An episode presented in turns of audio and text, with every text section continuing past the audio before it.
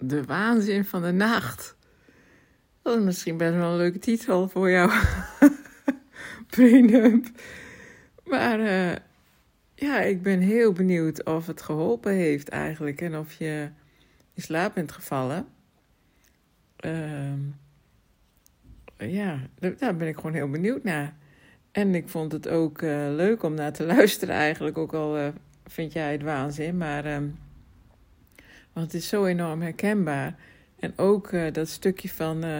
oh, dit moet ik even onthouden. Dit moet ik eigenlijk even opschrijven. En dat, ik heb dan ook zo vaak gedacht... nee, ik onthoud het wel. En de volgende dag heb je echt geen idee meer. Echt totaal niet. Ja, zo grappig. Ik heb wel eens midden in de nacht dan, zeg maar in het donker, want ik heb een, een, een klad, kladblokje bij mijn bed liggen, want ik weet dat dit soort dingen gebeuren. En heb ik wel eens gewoon midden in de nacht in het donker wat steekwoorden op het papier gekliederd. en als je aan de volgende dag denkt, waar gaat het over?